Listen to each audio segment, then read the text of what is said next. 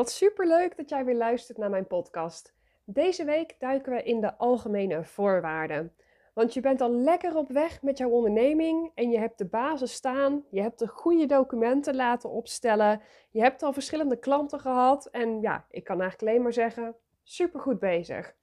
Maar als ik dan eventjes advocaat van de duivel ga spelen, ja, dan vraag ik mij af, gebruik jij jouw documenten wel op de juiste manier? En dan heb ik het dus vooral over de algemene voorwaarden. Want of jij nu een webshop hebt, losse adviezen geeft, producten verkoopt aan consumenten of bedrijven, coachingstrajecten verkoopt, langdurige opdrachten aangaat, nou, verzin het maar, jouw werkzaamheden, jouw algemene voorwaarden moet je wel op de juiste manier van toepassing verklaren. En het is helaas zo dat dat nog heel erg vaak fout gaat. En daarom heb ik deze podcastaflevering opgenomen, want na deze aflevering weet jij precies hoe jij het wel moet doen. Hallo, hallo! Welkom en wat leuk dat je luistert naar deze podcast.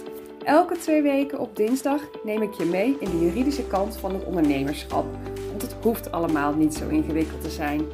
Ik geef je uitleg in normale mensentaal en tips over de praktische toepassing in jouw bedrijf.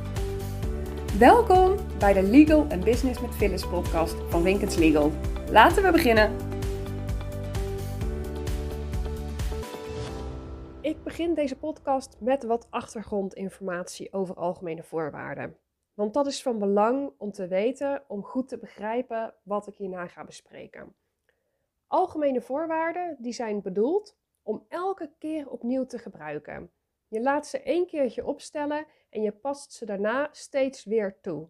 Je hoeft er in feite tussendoor nooit naar om te kijken, tenzij jouw activiteiten of jouw werkwijze wijzigen. Of ja, na verloop van een aantal jaren is het toch ook wel verstandig om ze nog eens een keertje te bekijken, omdat wetgeving natuurlijk wel kan veranderen. In algemene voorwaarden leg je, nou ja, de naam zegt het al, algemene zaken vast. Je kunt hierbij denken aan zaken zoals betalingstermijnen, verplichtingen die de koper heeft, verplichtingen die jij hebt, bepalingen om jouw aansprakelijkheid te beperken. En ook dingen zoals intellectueel eigendom kun je vastleggen in jouw algemene voorwaarden. Dat komt vooral om de hoek kijken als jij in een creatief beroep werkzaam bent. Denk aan het zijn van een copywriter, een designer, een fotograaf en dergelijke. De algemene voorwaarden die maken een onderdeel uit van de overeenkomst tussen jou en je klant. De overeenkomst tussen jou en je klant, dat zijn alle afspraken die jullie hebben gemaakt. Alle afspraken die er bestaan. Een overeenkomst, ja, die kun je mondeling sluiten. Niet helemaal aan te raden, want dat brengt je wel in een lastige bewijspositie. Meestal zal een overeenkomst schriftelijk zijn. En bij een schriftelijke overeenkomst, dan heb je het niet gelijk aan een hele lange lap tekst, uitgeprinte papieren, handtekeningen eronder en al dat soort formeel geneuzel. Nee, het gaat ook gewoon om een e-mail. En zelfs WhatsApp-berichten, dat zijn schriftelijke overeenkomsten. Een bestelling die via een webshop wordt gedaan, daar komt ook een mailtje uitrollen met een bestelling. Dat is jullie overeenkomst met de afspraken. En als we het dan hebben over de inhoud van het werk dat jij gaat verrichten, of dat nu producten leveren zijn, of dat dienstverlenend is, daar maak je dus afspraken over. En of dat nu via zo'n papieren overeenkomst, want dat kan natuurlijk wel, is, of het nu via een webshop is, een mailtje, WhatsApp, dat maakt voor even niet uit. Die afspraken over de inhoud van jouw daadwerkelijke werk gaan we nu voor het gemak even de hoofdovereenkomst noemen. In de hoofdovereenkomst staat wat jij doet. Jij verkoopt een bank. Jij gaat 10 coaching sessies geven. Jij gaat een fotoshoot doen en de klant krijgt 25 bewerkte foto's. Het kan alle kanten op gaan. Het gaat over jouw daadwerkelijke werk. Wat koopt de klant van jou? Wat is dat product? Wat is die dienst? Dat spreek je af in je hoofdovereenkomst. Je maakt in die hoofdovereenkomst ook een afspraak over wanneer ga jij die bank leveren. Wanneer is de eerste coaching sessie? Hoe lang duurt een coaching sessie? Op welke datum gaat de fotoshoot plaatsvinden? Hoe lang gaat het duren voordat de klant de bewerkte foto's ontvangt?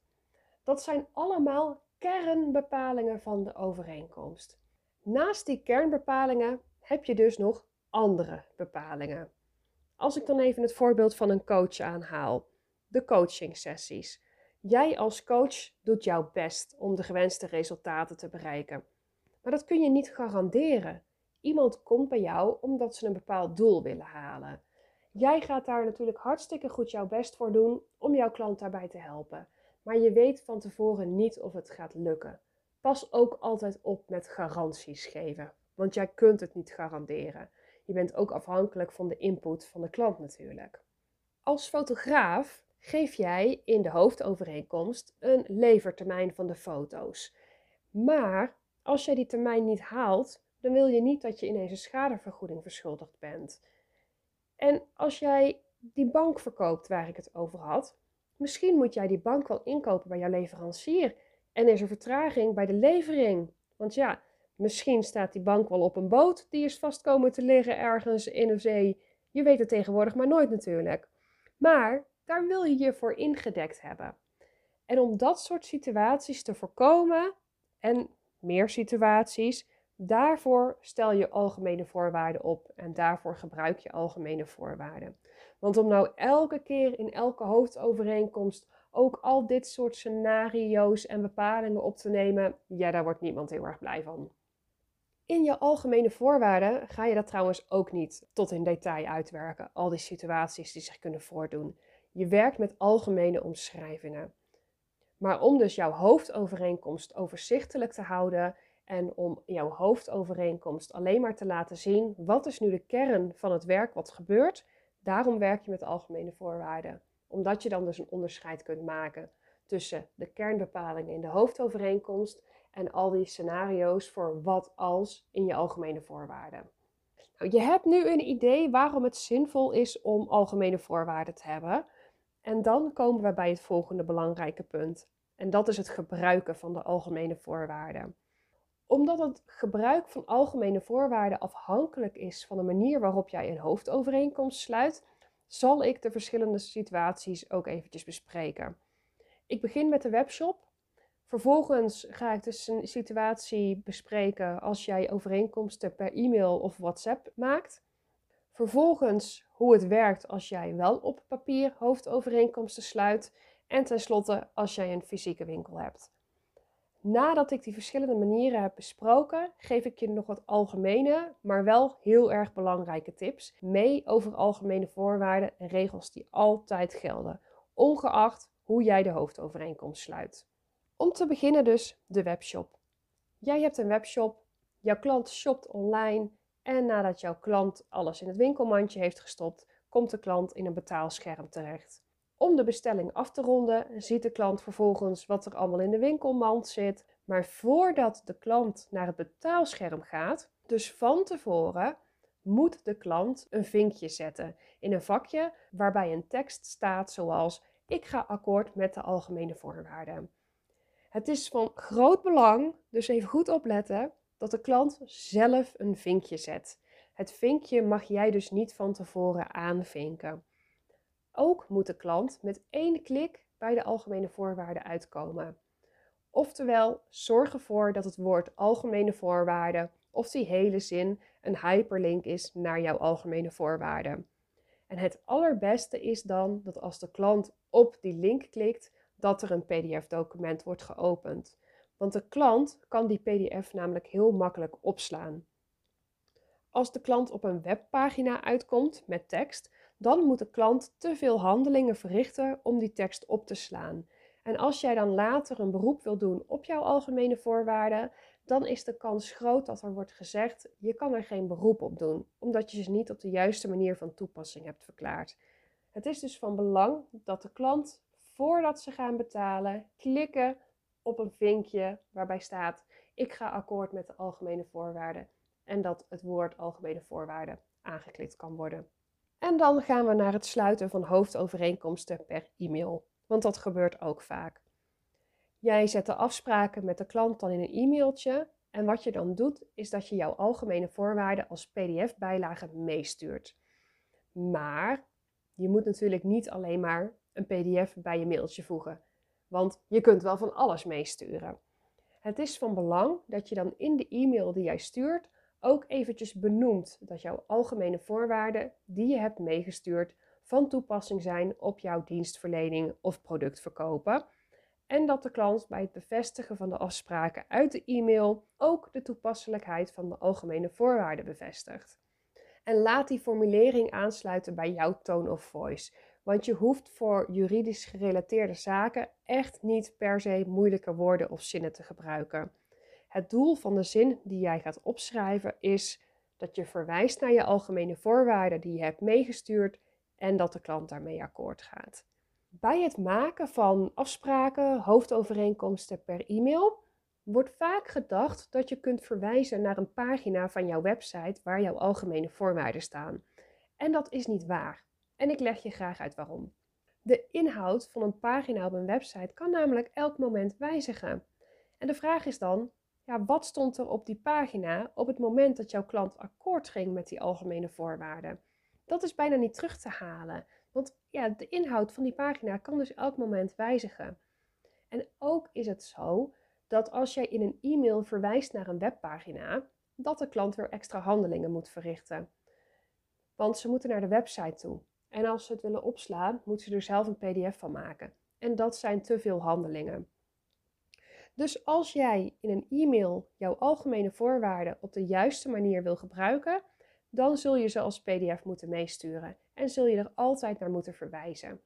Op die manier kunnen zowel jij als de klant terugvinden met welke versie van de algemene voorwaarden dat er is gewerkt. En dit is ook de reden dat een disclaimer in een e-mail geen zin heeft. Je ziet wel eens e-mails staan dat onderaan de handtekening staat uh, de algemene voorwaarden zijn van toepassing en ze staan op de website. Ja, dat heeft dus geen zin. Sowieso hoef je niet bij elke e-mail die je stuurt jouw algemene voorwaarden van toepassing te verklaren.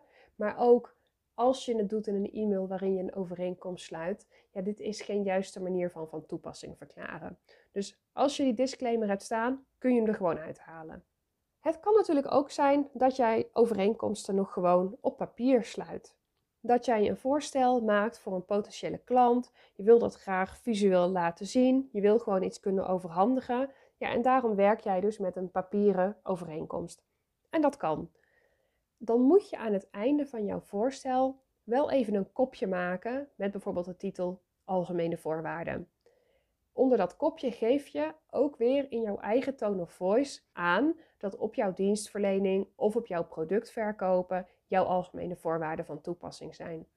En onder dat kopje benoem je dan ook dat je ze bij het voorstel hebt gedaan als bijlage. En uiteraard heb je dat dan ook gedaan. Want je print jouw algemene voorwaarden uit en stopt deze bij het papieren voorstel. Want ze maken gewoon deel uit van de overeenkomst. Ook hier geldt weer: stel dat je zegt de algemene voorwaarden zijn op aanvraag beschikbaar. Of de algemene voorwaarden staan op mijn website. Voor de klant is dat een handeling die ze extra moeten nemen om er kennis van te nemen. En al die drempels, die moet je wegnemen. Dat is bepaald in rechtspraak. Het kan ook zo zijn dat jij jouw algemene voorwaarden op de achterkant van jouw briefpapier hebt gedrukt. Maar dan nog steeds is het van belang om er naar te verwijzen dat ze van toepassing zijn. Want er kan wel zoveel op de achterkant van jouw briefpapier staan. En dan kan het natuurlijk ook nog zo zijn dat jij een fysieke winkel hebt. Ja, dan ga je toch niet elke keer zo'n hele set algemene voorwaarden geven? Nee, dat zal je inderdaad niet doen. Als jij in een winkel producten verkoopt, dan moet je er wel voor zorgen dat de algemene voorwaarden op een duidelijk zichtbare plaats in de winkel liggen of hangen. Je kunt ze ook afdrukken op de kassabon, maar waarschijnlijk zal je dat niet heel snel doen, want dat wordt misschien wel een heel lang verhaal. Maar het kan dan wel handig zijn om bijvoorbeeld de retour- en garantietermijn wel op de bon af te drukken. En als de klant een exemplaar van de voorwaarden wil, zorg dan dat je ze aan de klant mee kunt geven. Dit waren de meest voorkomende manieren van overeenkomsten sluiten. Via een webshop, via de e-mail of bijvoorbeeld WhatsApp, op papier of in een winkel. Ik heb je nu uitgelegd hoe je in deze situaties algemene voorwaarden van toepassing verklaart maar ik geef je nog ook graag wat algemene extra tips en dingen die je juist niet of wel moet doen. De kern van mijn uitleg, voor welke manier dat je dan ook overeenkomsten sluit, is dat je jouw algemene voorwaarden van toepassing verklaart voordat de overeenkomst is gesloten. Je moet ze van toepassing verklaren voordat jij en jouw klant akkoord zijn over de inhoud en over de uitvoering van de overeenkomst. Want daarmee kom ik ook gelijk bij de meest gemaakte fout bij het gebruiken van algemene voorwaarden. Namelijk dat je bijvoorbeeld achteraf op de factuur zet: op mijn dienstverlening zijn mijn algemene voorwaarden van toepassing. Of als er al een akkoord is bereikt over de werkzaamheden, dat er dan een e-mail komt: dit zijn mijn algemene voorwaarden. Dat is te laat. Jij stuurt namelijk ook een factuur pas zodra je de overeenkomst hebt uitgevoerd. En zelfs als jij met voorschotfacturen werkt, dan stuur je pas een voorschotfactuur als jij met de klant overeenstemming hebt bereikt over wat je gaat doen. Dus er is al een afspraak tussen jullie. Jullie hebben al afspraken gemaakt over het werk wat gaat gebeuren. En je kunt dan niet achteraf ineens regels gaan toevoegen. En dat is wat je wel doet als jij jouw algemene voorwaarden dus op een laat moment pas toestuurt en van toepassing verklaart. Je gaat dan achteraf, ga jij nog allemaal regels toevoegen aan een afspraak die jij al hebt. En dat is dus de reden waarom het verwijzen naar jouw algemene voorwaarden op de factuur te laat is. Je moet ze altijd van tevoren van toepassing verklaren en meesturen. Ik ben benieuwd hoe vaak ik het woord van tevoren en vooraf al heb genoemd in deze podcast. Maar hopelijk blijft dat gewoon heel erg goed hangen. Want dit, het gaat gewoon zo vaak fout. Ik zie het zelf ook als ik diensten of producten afneem bij bedrijven. Hoe vaak ik wel niet nadat we akkoord hebben bereikt pas die algemene voorwaarden krijg. Ja, het gebeurt gewoon ontzettend vaak. Wist je trouwens al dat je gewoon mag afwijken van jouw eigen algemene voorwaarden?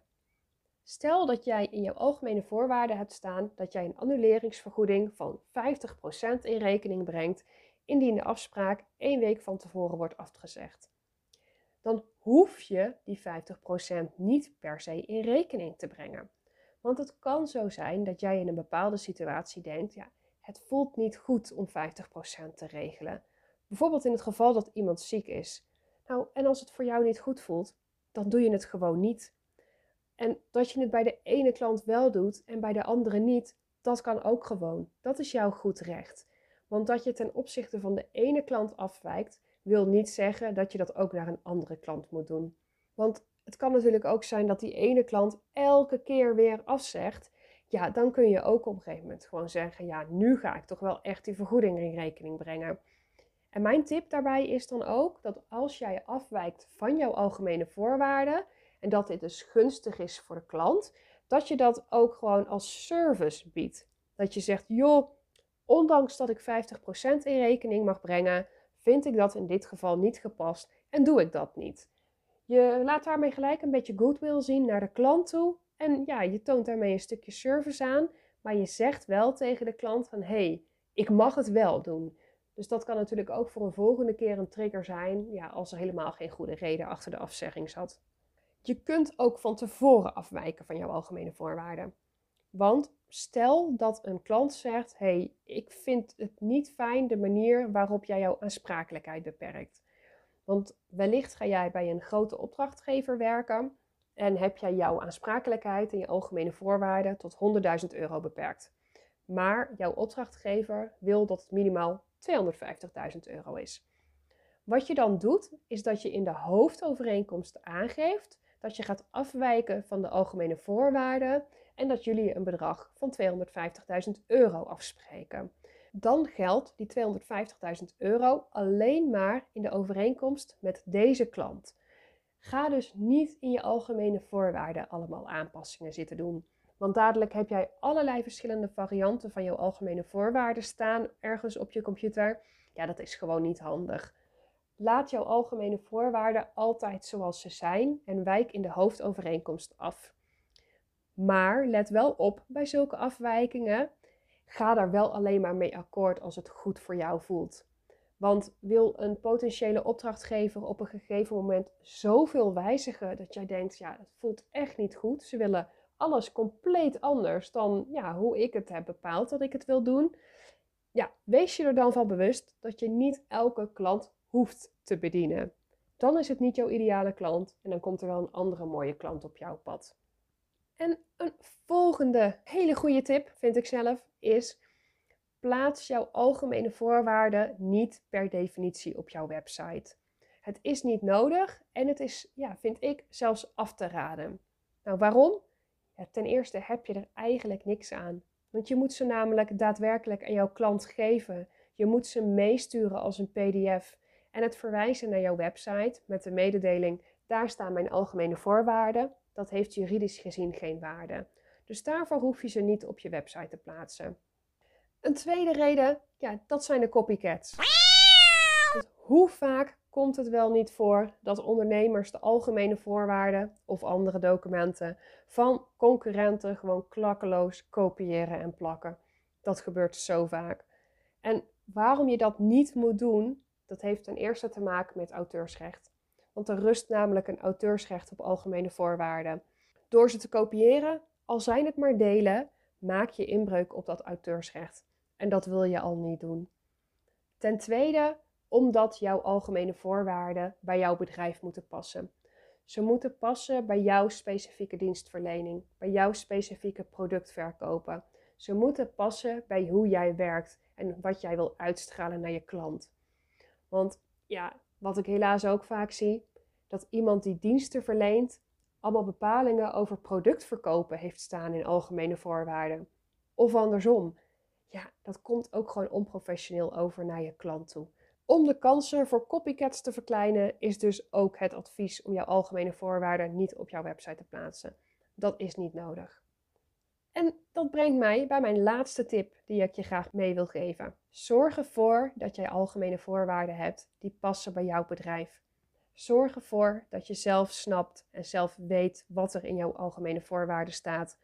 Want jouw algemene voorwaarden zijn onderdeel van de overeenkomst, dus van de afspraken die jij maakt met jouw klant. En als jij zelf al geen idee hebt van wat je nu eigenlijk afspreekt, ja, hoe kan de klant dat dan wel weten? Algemene voorwaarden hoeven niet saai, langdradig of ingewikkeld te zijn. Ze kunnen gewoon leesbaar, toegankelijk en zelfs met een knipoog worden opgesteld. Kijk gewoon wat voor jou werkt. Nou, in deze podcast hebben we besproken hoe jij algemene voorwaarden op de juiste manier moet gebruiken. De kern is dat jij ze voordat je diensten of producten gaat leveren, van toepassing verklaart en aan de klant geeft. Of de klant ze dan daadwerkelijk leest, ja, dat is niet eens zo relevant. Jij moet de klant de mogelijkheid hebben gegeven om ze te lezen.